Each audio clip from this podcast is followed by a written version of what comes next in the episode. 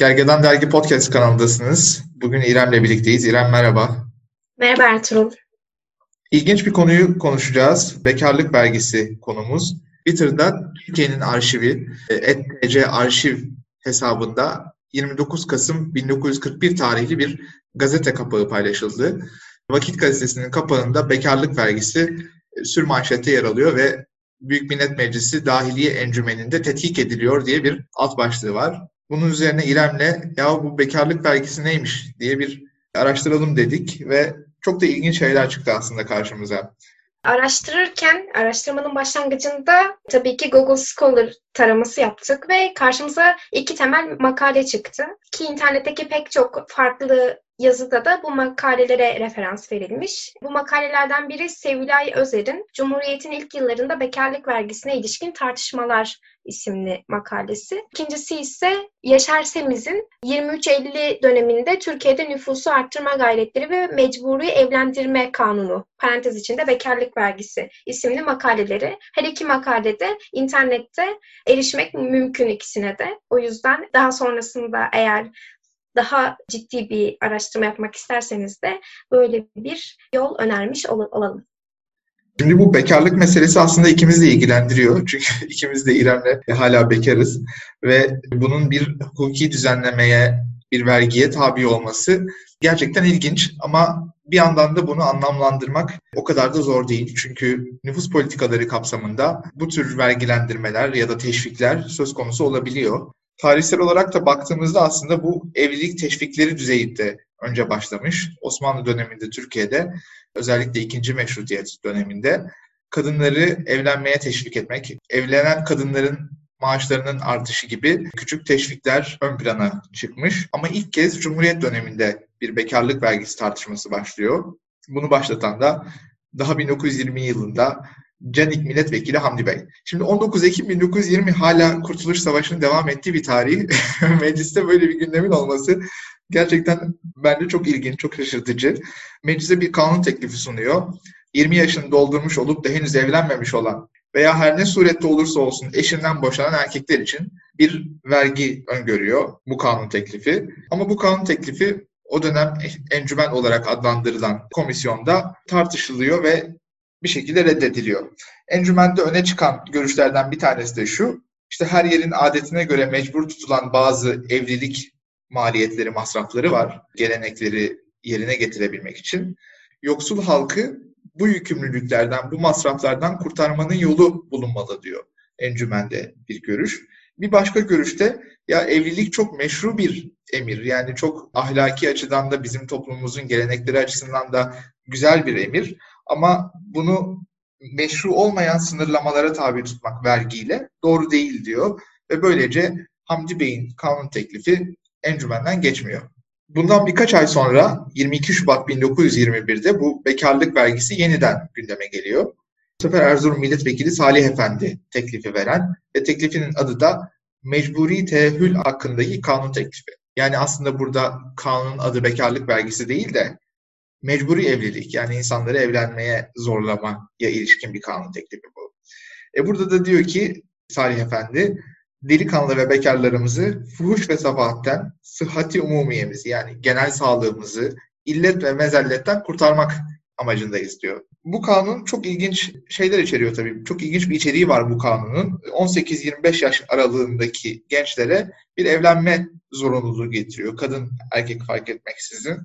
Ve bunu doktor raporuyla ancak tecil ettirebiliyorsunuz. Evet, daha daha ilginç maddeleri de var tabii. Bu yönüyle de diğer kanun tekliflerinden ayrıldığını söylemek lazım. Gelecekteki bekarlık kanunu tekliflerinden de ayrılıyor. Mesela çoklu evliliğe teşvik hatta zorunlu tutma gibi bir durum söz konusu. Örneğin ailesinin yanında götüremeyen ama başka bir yerde çalışmak zorunda kalan erkeklerin yeniden evlenmesi, ikinci bir eşle evlenmesi zorunlu tutuluyor bir bu var. İkincisi de maddi durumu elverişli olan, mali ve bedeni durumları elverişli olan erkeklerin de ikinci kez evlenmekle mükellef olduğu belirtiliyor. Yani inanılmaz bir kanun teklifi. Gerçekten böyle gözlerim fal taşı gibi açılarak okudum ve çok şaşırdım. Bir de o ailesinden ayrı yaşayan erkekler için iki yıl içerisinde evlenmemeleri halinde geri gönderme gibi bir de ceza öngörülmüş. Yani çok detaylı, çok çalışılmış bir kanun teklifi. 25 yaş üstü bekarlar için de bazı kısıtlamalar, bazı engellemeler doğuyor tabii ki de. Hali hazırda kamu görevindeyseler istifa etmiş kabul ediliyorlar. Eğer çalışmıyorlarsa kamu görevine bundan sonra başlayamazlar çünkü evlilik zorunluluğuna uymamış durumdalar. 25 yaş altı evlenenler için bazı teşvikler, bazı destekler öngörmüş. Mesela 25 yaşından erken evlenen bir erkek o dönem 3 yıl olan askerlik yerine 1,5 yıl askerlik yapabiliyor. Yani neredeyse çağımızın askerlik süresine yakın bir süreyi düşürecek kadar müspet bir hizmet olarak görülüyor bu o dönemde topluma. Arazi hibesi gibi destekler var. Faizsiz kredi desteği var. Çocuklara yatılı okulda parasız eğitim desteği var. 25 yaşından erken evlenenler için bunun gibi bir takım destekler de öngörülmüş. Sadece ceza ve müeyyideler değil. Şu cümle de, şu madde de çok ilgimi çekti benim. 25 yaşını doldurup da evlenmeyenler için yazmış kanun teklifini veren Salih Efendi. Tam ondan bahsedecektim. Lütfen devam et. Fuhuş ve sefaleti benimseyenler, ticaret, sanat, ziraat gibi mesleklerden hiçbirisine intisap etmeyen ve toplumsal ahlaka riayet etmeyen, serseri bir şekilde vakit geçirenler, 26 yaşına kadar ıslah olmaz ise asgari ücretle ameli olarak çalıştırılırlar diyor. Yani asgari ücret dediğimde burada galiba temel yaşam masraflarını, gıda masraflarını karşılayabilecek kadar bir ücrette zorlu bir zorunlu bir çalışma öngörmüş. Ya muazzam ve inanılmaz gerçekten. Bak hani artık şimdi düşünüyorum. Senin de sanırım son demlerin Ertuğrul. 26 yaşına kadar ıslah olmaz isem. Düşünsene böyle bir kanunla karşı karşıya kaldığını ya buna da artık kanun denirse tabii. Yurttaşlık haklarının hiçbir şekilde korunmadığı bir teklif, muazzam bir teklif ama tabii ki ilk tekliflerden ve Cumhuriyet'in kurulmasından önce yine bunu vurguyu da yapmak lazım. Bunun ardından 1929 yılında ekonomik kriz sırasında bir teklif görüyoruz. Bu teklifin sahibi ise Yozgat Milletvekili Süleyman Sırrı Bey. O da diyor ki bir takım genç erkek ve kadınlar bekarlık hayatını tercih ediyor ve evlenmeme eğilimi gün geçtikçe de artıyor diyor aslında. Bu nedenle mecliste tekrar gündeme geliyor bekarlık vergisi. Bunun içinde neler var? Kısaca bakalım. Burada da bence ilginç olan madde şu. Eş ölümü, dul kalma gibi durumları da vergiden muaf saymamış kanun teklifini verenler. Yani eşiniz öldüğünde de derhal evlenip çocuk yapmakla mükellefsiniz. Bir de işte tahsil gibi bazı sebeplerle evliliği erteleyebiliyorsunuz. Tecil sebebi var. Bu da tabii benzer bir amacı gidiyor daha önceki kanun teklifleriyle.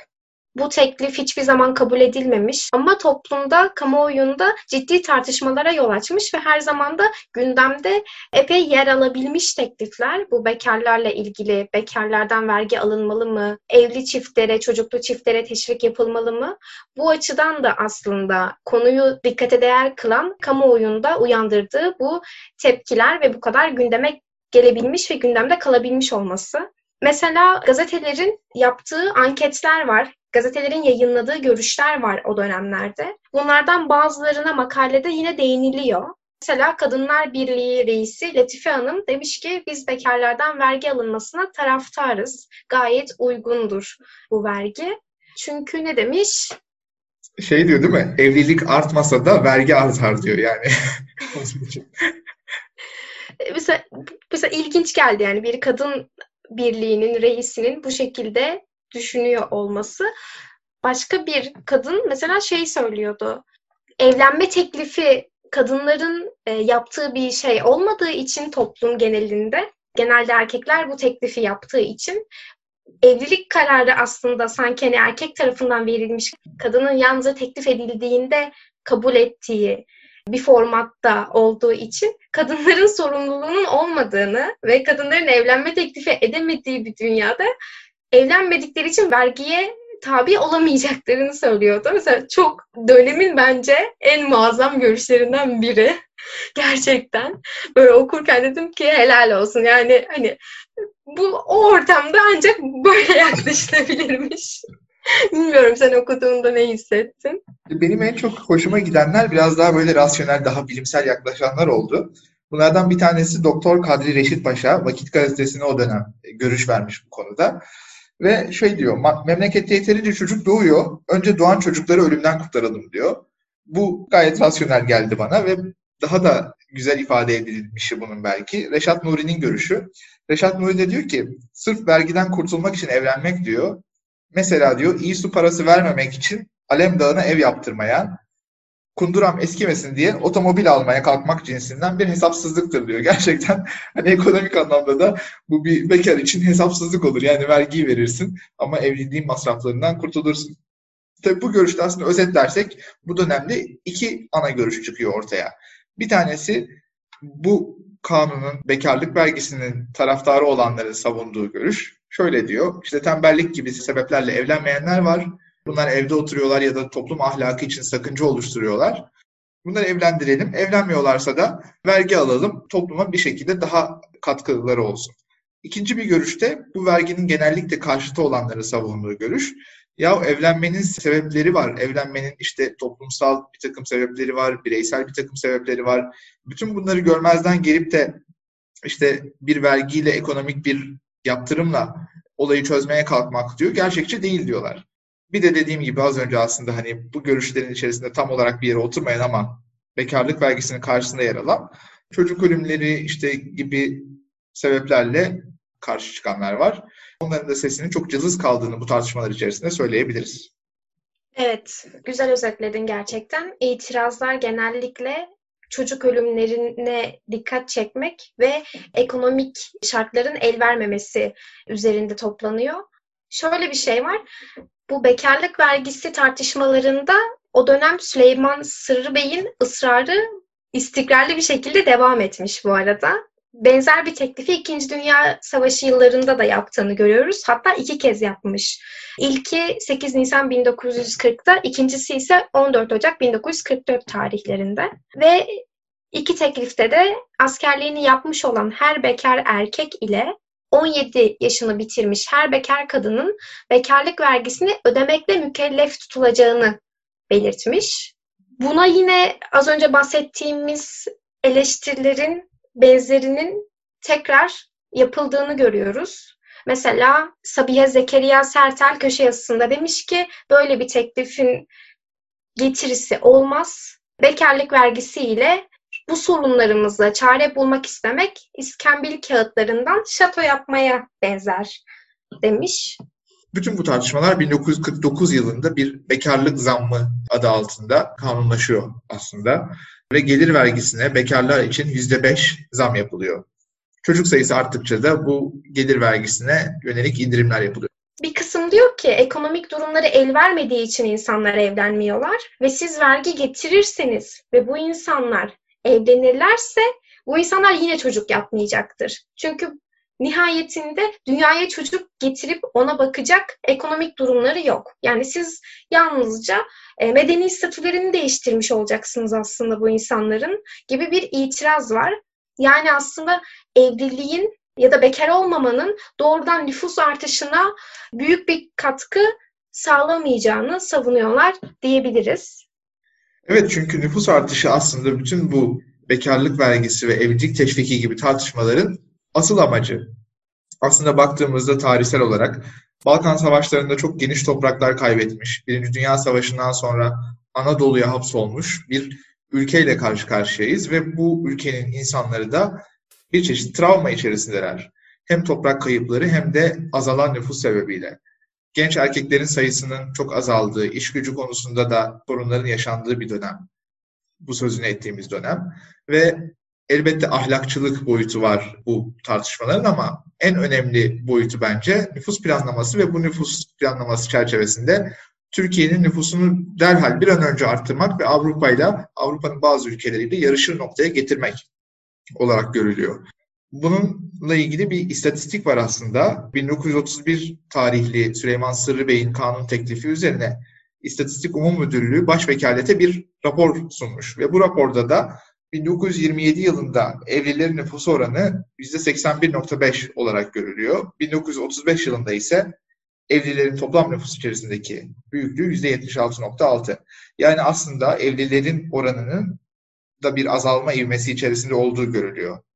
Tabii bunun ekonomik sebepleri de var. Çünkü işte 1935 yılına geldiğimizde sen de az önce değindiğin küresel bir ekonomik kriz var. Türkiye'de de bunun ağır etkileri yaşanıyor. Ve aslında gazetelerin yaptıkları anketlerde, sokak röportajları da biraz bu tezi destekler nitelikte. İşte memur Hikmet'in sözü aklıma geldiğini 45 lira maaşlı bir memurum da ondan evlenmiyorum diyor. Ya da Ali Naci adlı bir vatandaş da Cumhuriyet'e her şeyden evvel hayatı ucuzlaştıralım, yaşamayı kolaylaştıralım, işsizliği giderelim. Ondan sonra bekarları evleniniz diyelim diyor. Şimdi bu Ali Naci'nin sözü 2020 yılı Şubat ayında, Ocak ayında söylenmiş olsa herhalde hiç şaşırmazdık, garipsemezdik. Hatta belki söylenmiştir yine başkaları tarafından. Çünkü 2020 yılında çok benzer tartışmalar yeniden gündeme geldi. Hem Cumhurbaşkanı'nın açıklamalarıyla hem de ardından AK Parti'nin kurmaylarından Numan Kurtulmuş'un açıklamasıyla. Evet, dediğin gibi 2020 yılının başında bekarlık vergisi, işte evlilik oranları, evlilik yaşı gibi tartışmalar yeniden gündeme gelmişti ve Cumhurbaşkanı Erdoğan'ın bir açıklamasıyla aslında bu tartışma alevlenmişti. Ne demişti Erdoğan? Gençlerimizin evlilik yaşı giderek yukur, yukur, yuk, giderek yukur, yukur, yuk. Gençlerimizin evlilik yaşı giderek yukarı doğru çıkıyor. Genç yaşta maalesef evler evlenmiyor. Kızlarımız da erkeklerimiz de çoğu 30'u aşkın evleniyor veyahut da çoğu evde kalıyor iddiasında bulunmuştu Erdoğan.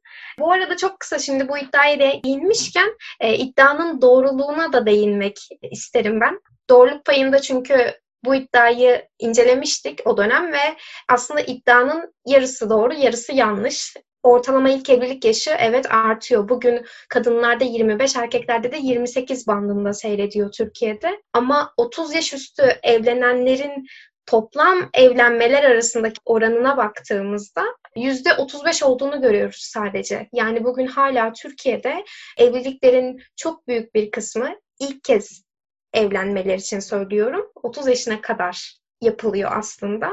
Ve hiç evlenmemişlerin nüfus oranına baktığımızda da 30 yaş üstü olup hiç evlenmemiş kişilerin nüfus içindeki oranı %9. Yani aslında hala çok büyük bir kitle genç yaşta evleniyor ve evlenmeyenlerin oranı da hala çok düşük. Ama tabii ki evlenme yaşının yukarı doğru çıkması Türkiye'de dikkat çekiyor dünyada olduğu gibi. Bu noktada belki bunu bugün neden konuştuğumuz üzerine de tartışmak önemli. Çünkü sen az önce bahsettin.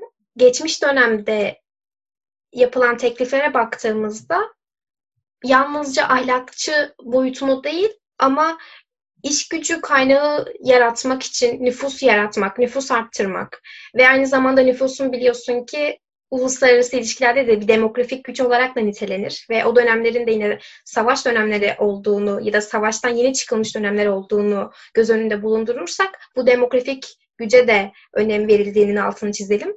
Böyle ekonomik ve e, siyasal belli güçlere işaret ettiği için de nüfus arttırımı konusu önem teşkil ediyor.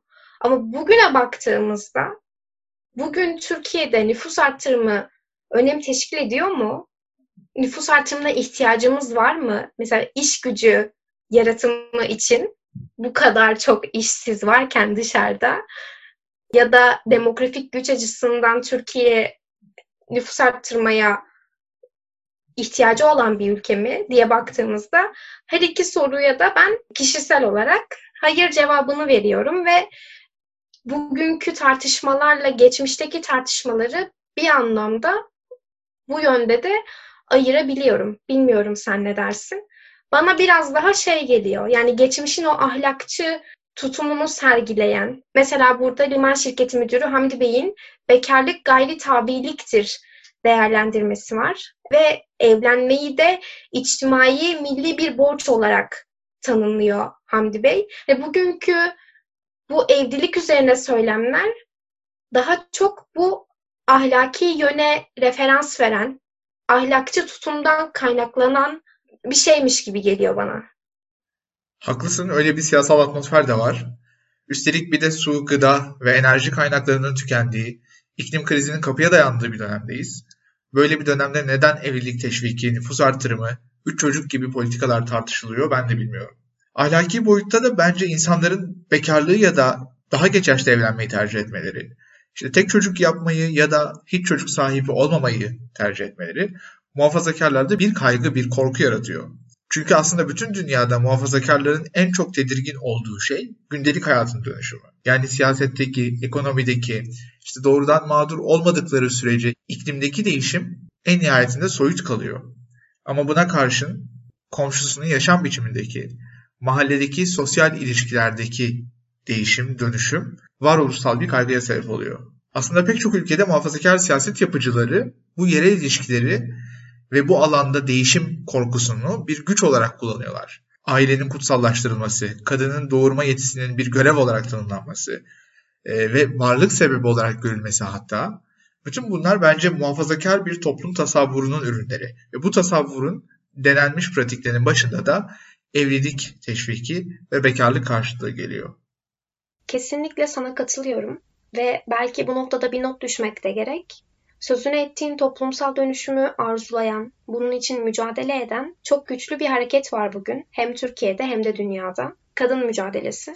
Kadın hareketi tahakkümün, sömürünün, şiddetin normalleştirilemediği, doğal görülmediği bir toplumsal düzen inşası için mücadele ediyor bugün. Ve bugün söz ettiğimiz evliliğe teşvik etmekle ilgili söylemlerin ya da bekarlık sıkıntı kaynağıdır gibi yaklaşımların da bu harekete karşı alınan bir tavır olduğunu düşünüyorum ben.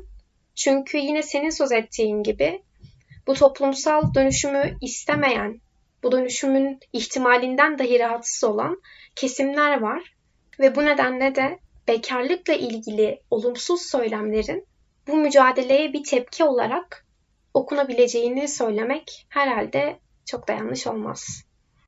Evet, böylece yayınımızın sonuna geldik galiba. O zaman son sözlerde e, Günaydın yazarı Mevlüt Tezel'in köşe yazısından bir alıntı yapmak istiyorum. Ayda bir Avrupa'ya git, en güzel restoranlardan Instagram'a fotoğraf koy, akşam eve gidince de battaniyeni üzerine çek, kendini sev ve dijital platformlardan dizi izle. Oh ne güzel demiş ve burada da aslında vurguladığı şey şu, çocuk sahibi olanlar sistemin devamı için özveride bulunuyormuş e, ve bekarların da bunun karşılığını vermesi gerekiyormuş. Bu noktada da şimdi Mart ayından beri pandemi dolayısıyla hepimiz evlerde kaldık ve bu nedenle öyle ayda bir Avrupa'ya gidemiyoruz. En güzel restoranlara gidip Instagram'a fotoğraf koyamıyoruz. Tabii pandemi geçtikten sonra da bu ekonomik krizle Euro onu bulmuşken ayda bir Avrupa'ya gidebilir miyiz? En güzel restoranlarda yemek yiyebilir miyiz? Ve hatta akşam eve gittiğimizde dijital platformlardan dizi izlemeye paramız yeter mi? Ben çok emin olamıyorum açıkçası. Tüm bunları pandemiden sonra yapabilecek arkadaşları da kutlayalım buradan ve böyle sonlandıralım. Bakın gençlerimizin evlilik yaşı giderek yukarı doğru çıkıyor. Genç yaşta maalesef evlenmiyor. Kızlarımız da erkeklerimiz de. Çoğu 30'u aşkın evleniyor veyahut da çoğu evde kalıyor. Böyle bir şey olur mu ya?